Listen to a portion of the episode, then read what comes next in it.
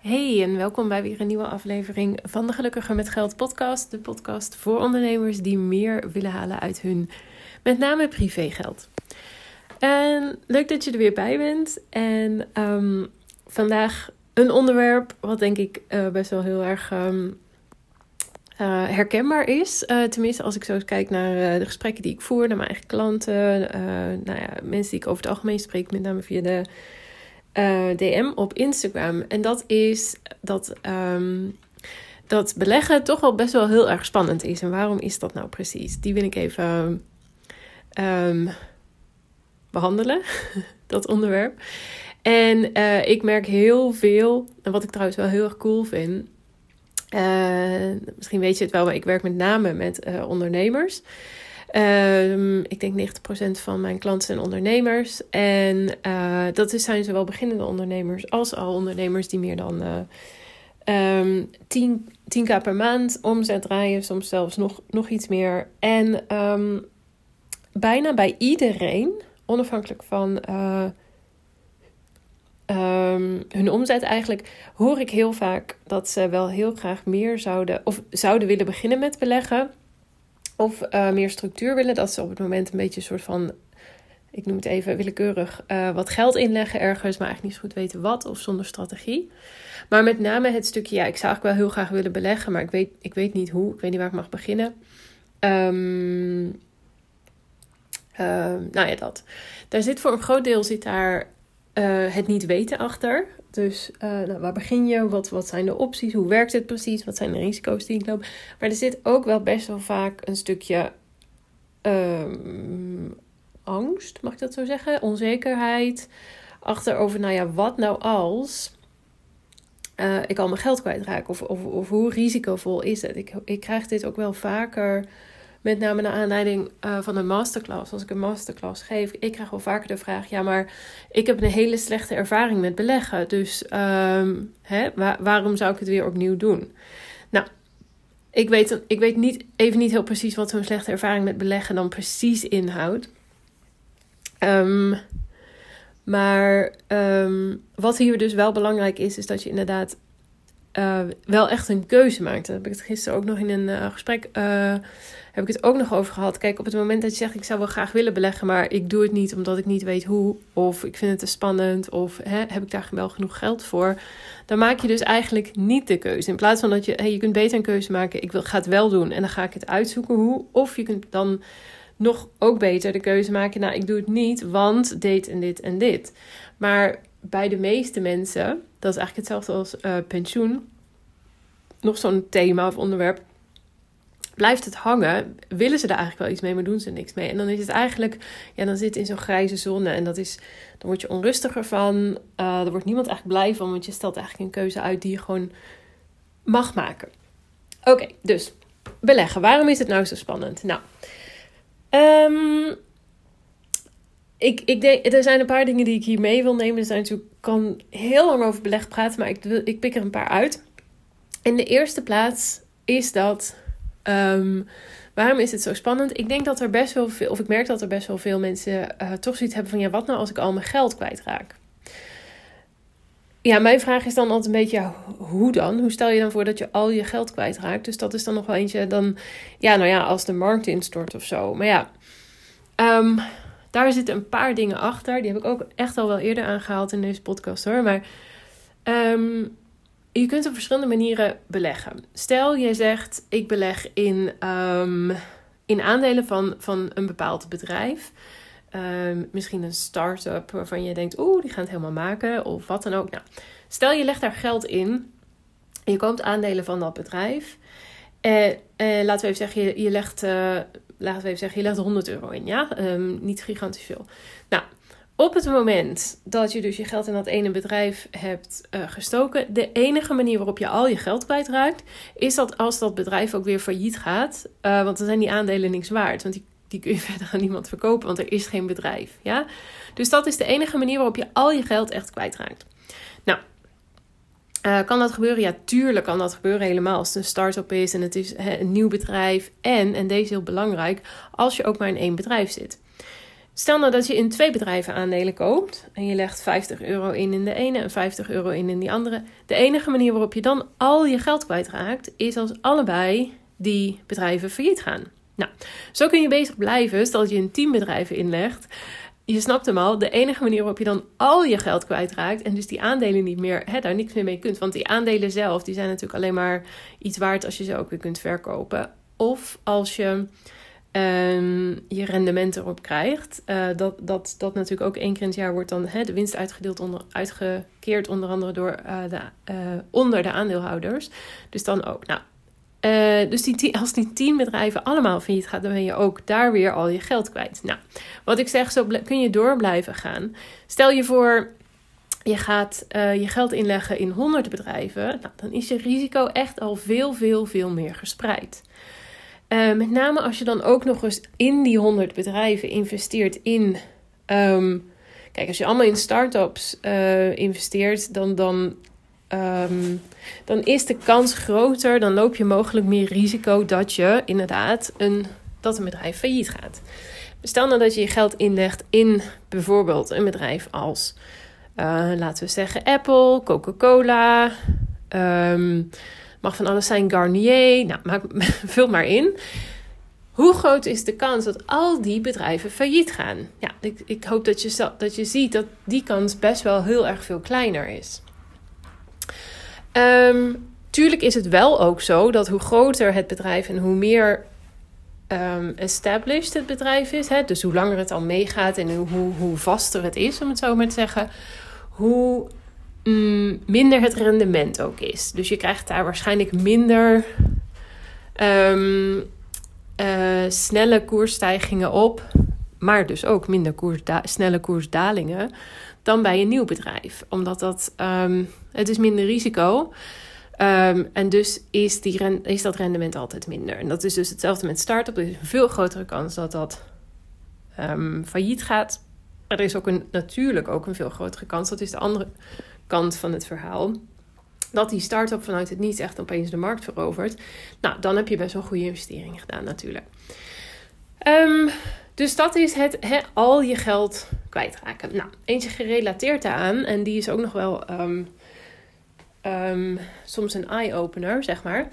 Is dat stel je investeert 100 euro. Ook dit heb ik al eerder aangekaart hoor. Maar stel je investeert 100 euro en de markt in, we doen even weer opnieuw in maar één bedrijf. En de markt uh, stort uh, best wel een beetje in met 20%. Ja, dus de aandelen, uh, de koers van die aandelen van het bedrijf gaat met 20% omlaag. Dus in plaats van dat jouw aandeel nu 100 euro waard is, hè, wat jij erin hebt geïnvesteerd, is dat teruggevallen naar 80 euro. Nou, dat is een verlies van 20 euro. Echter, zolang jij jouw aandeel niet verkoopt en ik loop een beetje. Mijn kat. Mijn kat zit een beetje te etteren. Zolang jij dat aandeel niet verkoopt en dus vasthoudt aan je aandeel, dan heb jij helemaal geen verlies geleden. Dus op de, op de teller staat dan misschien wel van hé, hey, je aandeel is nu nog maar 80 euro waard. Maar als je daar verder niks mee doet, dan kan het best wel eens zo zijn dat volgende week of volgende maand of over zes maanden dat aandeel weer um, opkrabbelt en terugkomt op die 100 euro. Het tegenovergestelde kan ook waar zijn. Het kan best zijn dat het over, over zes maanden nog verder omhoog loopt en 120 euro waard is. Maar ook dan heb je eigenlijk nog geen geld verdiend, zolang jij het maar niet verkoopt. Ja? Dus, dus dat hele stuk van echt je geld kwijtraken is eigenlijk alleen als al je investeringen en al je bedrijven, en nogmaals, hoe meer gespreid jij zit, hoe kleiner dat risico natuurlijk is, als die opeens allemaal failliet gaan, of, um, en dit is nog niet eens al je geld kwijtraken, maar goed, deze, deze is natuurlijk wel. Wat ik net aangeef, je hebt 100 euro geïnvesteerd. Nou, de koers van een bedrijf, hè, stel je zit in een bedrijf, de koers van dat bedrijf gaat echt, zakt echt gigantisch. En het is nu nog maar 5 euro waard. Ja, als je dan je aandeel verkoopt, dan heb je dus een verlies van 95 euro van de 100 euro. Dat is 95 procent. Dan neem ik hem even mee als dat je best wel al je geld kwijt bent geraakt. Dus, dus dat kan inderdaad ook gebeuren. Nou, als het echt naar beneden gaat naar 5 euro, dat is wel heel dramatisch. Ehm, maar het kan gebeuren, nogmaals, met name bij een start-up natuurlijk. Maar als het nou een algemene koersschommeling is en je doet er niks mee, dus je verkoopt niet, maar je blijft gewoon vasthouden. Nogmaals, met name als je breed gespreid zit, dan is er eigenlijk niet zo heel veel aan de hand. Um, ik hoop dat ik dat een beetje. Um, soort van redelijk inzichtelijk heb uitgelegd. Um, maar ik denk dat het wel heel belangrijk is, want het wordt vaak geroepen. Hè, dan raak ik straks al mijn geld kwijt. Ja, nou ja, goed. Mijn vraag is dan, ja, maar hoe dan precies? En nogmaals, um, je kunt het op een andere manier aanpakken en daardoor, daardoor spreid je dat risico echt zo ontzettend veel meer. Dat dat risico eigenlijk ik wil niet zeggen niet meer bestaat, want, want beleggen is altijd, hè, draagt altijd een bepaald risico met zich mee. Maar ik hoop dat je hem snapt dat het dan wel drastisch wordt verminderd. Um, Oké, nog een tweede. Waarom het misschien ook zo spannend is. En deze vind ik wel heel belangrijk. Stel, um, je houdt aan het einde van de maand niet zo heel veel over. En je zou eigenlijk willen sparen, want je hebt zoiets van: ik heb niet echt een buffer. Of het huis moet geschilderd worden. Of wat dan als de auto kapot gaat. Of de wasmachine. Dat soort dingen. En dat is eigenlijk een prioriteit. Omdat je weet dat er niet zoveel op de spaarrekening staat voor het geval dat.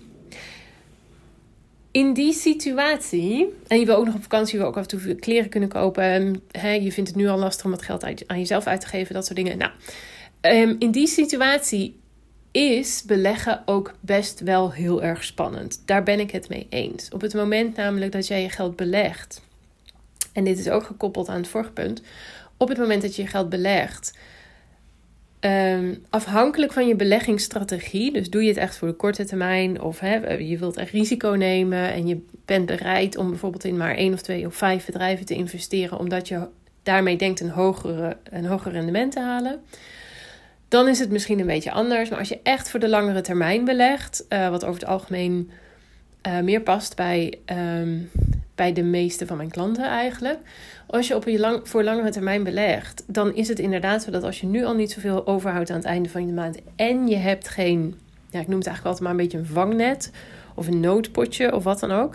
Hè? Dus genoeg geld echt opzij staan in geld en niet in investeringen, maar gewoon echt cash op de, op de, op de bank dan is het inderdaad best wel heel erg spannend. Stel je eens voor dat de auto kapot gaat en je bent net jaar bezig, of je bent net twee jaar bezig met beleggen. De auto gaat kapot, heeft een grote opknapbeurt nodig, reparatie, weet ik het allemaal wat.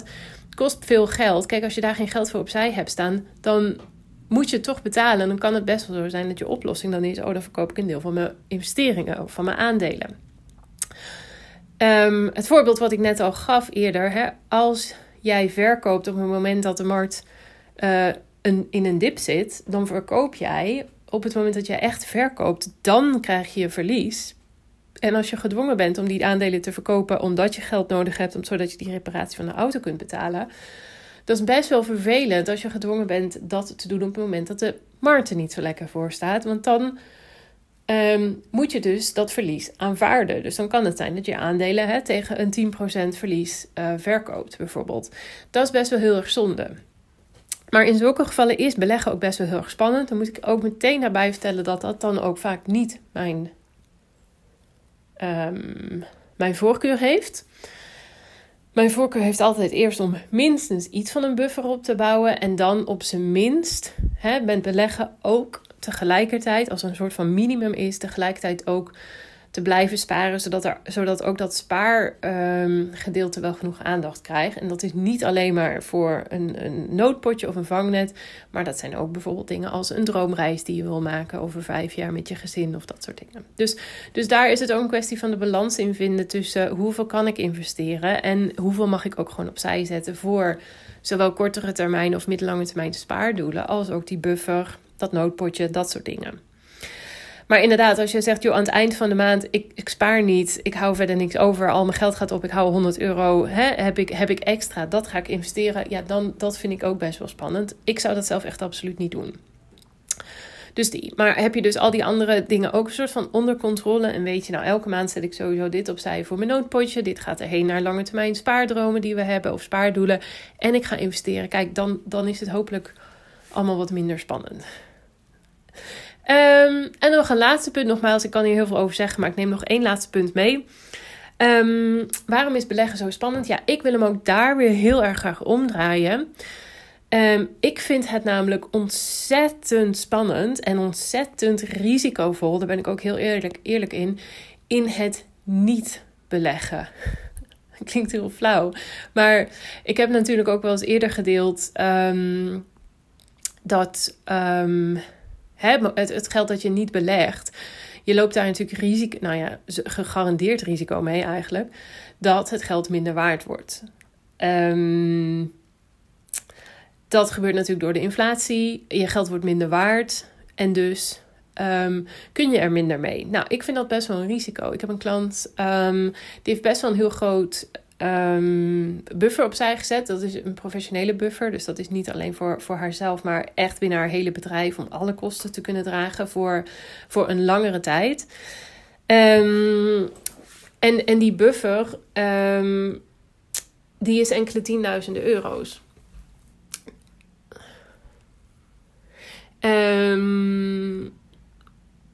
En um, ik heb pas ook even voor haar doorgerekend. Als je dat zomaar, zomaar, zeg ik even makkelijk. Maar als jij dat laat staan, dan ben je over, een tien jaar, over tien jaar bij een inflatie van, um, ik geloof 3%. Um, ik had verschillende scenario's meegenomen. Op het moment is natuurlijk inflatie 11%. Maar ik had verschillende meegenomen. En ik geloof dat het bij een inflatie van 3%, dat over tien jaar de de, de buffer dan bijna 25% of meer dan 25% minder waard is. Nou, dat is best wel heel erg veel geld als je het hebt over, over, over nou ja, eigenlijk bijna een ton. Um, en dat is wel heel erg belangrijk. Dus daar loop je dus ook weer het risico. En nogmaals, dat is eigenlijk een gegarandeerd risico. Dat je geld gewoon ontzettend minder waard wordt. Dat betekent dus overigens niet, laat me hier ook heel duidelijk in zijn, dat ik dus niet ik, nou ja, ik neem aan dat dat in het vorige punt ook al duidelijk werd. Hè, een buffer is altijd hartstikke slimme zet. Sparen is altijd hartstikke slimme zet om sowieso een deel echt in cash te hebben, mocht je het nodig hebben. Dat je geen rare fratsen uit hoeft te halen met het verkopen van investeringen, zoals ik net al zei, op het moment dat je niet uitkomt. Maar um, weet wel wat het risico is van het compleet niet investeren en het maar door en door en door blijven gaan van sparen, om het zo maar even heel simpel te zeggen ten koste van het investeren. Want dat gaat je gewoon ontzettend veel geld kosten. En, en, en dat is een gegarandeerd feit. Um, dus dat is, dat is een enorm risico. Dus je betaalt zo ontzettend veel uiteindelijk om te, om te, om te sparen, omdat dat geld dus minder waard wordt. Je moet dat dan dus constant blijven aanvullen. Terwijl uh, op het moment dat jij investeert en je dus wel een, een rendement daarop krijgt, tenminste op dit moment met name natuurlijk, hè, is is in, uh, rente op, op spaarrekeningen is natuurlijk, nou ja, non-existent, om het zo maar te zeggen. Um, krijg je dus wel een rendement op, beleggingen over het algemeen, met name gemiddeld genomen, met name dus als je breed gespreid gaat zitten. En dat betekent dus dat je je geld met name voor de toekomst dus wel, um, um, hoe heet het? Uh, om het zo maar te zeggen. Ja, of in elk geval je koopkracht beschermt, laten we dat beter zeggen. Want er is natuurlijk ook altijd een risico met het uh, investeren, dat heb ik al gezegd. Um, maar goed, dat is voor mij dus een heel erg, uh, ook een heel erg risico. Het niet investeren is dus voor, dat zie ik dus ook als een risico. Um, even kijken, dat wilde ik daar verder nog iets over zeggen. Nee, ik hoop dat dat ongeveer um, nou, een beetje resoneert eigenlijk. Ik ben wel benieuwd natuurlijk, zoals altijd, wat het met je doet. Laat me weten. Um, en, en de uitnodiging is dus eigenlijk...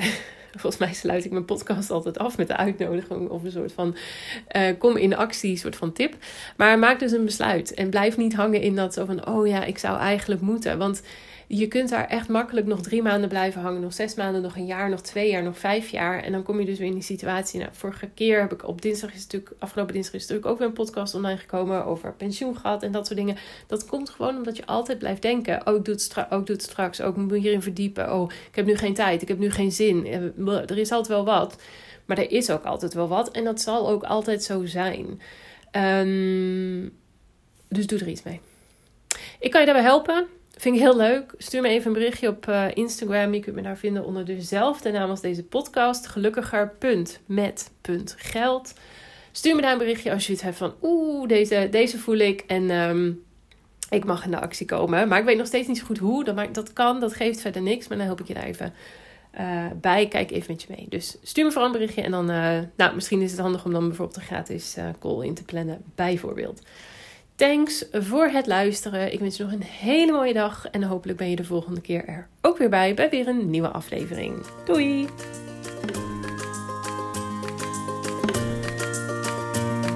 Dankjewel weer voor het luisteren naar deze aflevering van de Gelukkiger met Geld podcast. Ik hoop dat je er heel veel waarde uit hebt kunnen halen. En ik zou het dan ook super leuk vinden als je deze aflevering kunt delen op Instagram.